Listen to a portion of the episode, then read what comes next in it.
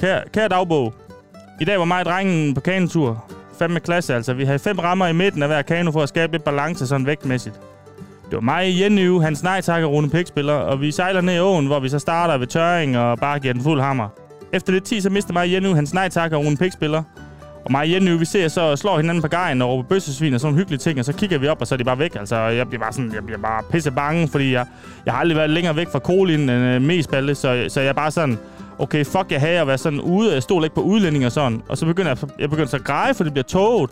Men Jenny forsøger så at trøste mig med, at det er en eller anden kone, en eller anden kælling, der ryger smøg, eller brygger noget pisse eller et eller andet. Men jeg er bare pisse ked af det. Så spørger jeg bare Jenny, om vi ikke skal lade os flyve ud i nogle siv, hvor vi så bare drikker de sidste fire rammer og taler om positive historier fra træk, og, og dengang vi slagte en ko, som vi synes så bøsset ud. Og så står jeg lidt på gejen og forsøger at drukne Jenny ud, indtil han så begynder at røre lidt, og jeg koger Jenny ud i kaffetrakten, mens jeg kalder ham sødt lille svin. Vi smider tøjet for at røre lidt mere og være drengen, og, sådan, og så pludselig så er, vi fandme, så er vi fandme i tørring igen. Det viser sig, at vi aldrig rigtig prøvede at padle, men egentlig bare flød ud fra rampen og bare har drukket og rørt lidt på tørring campingplads.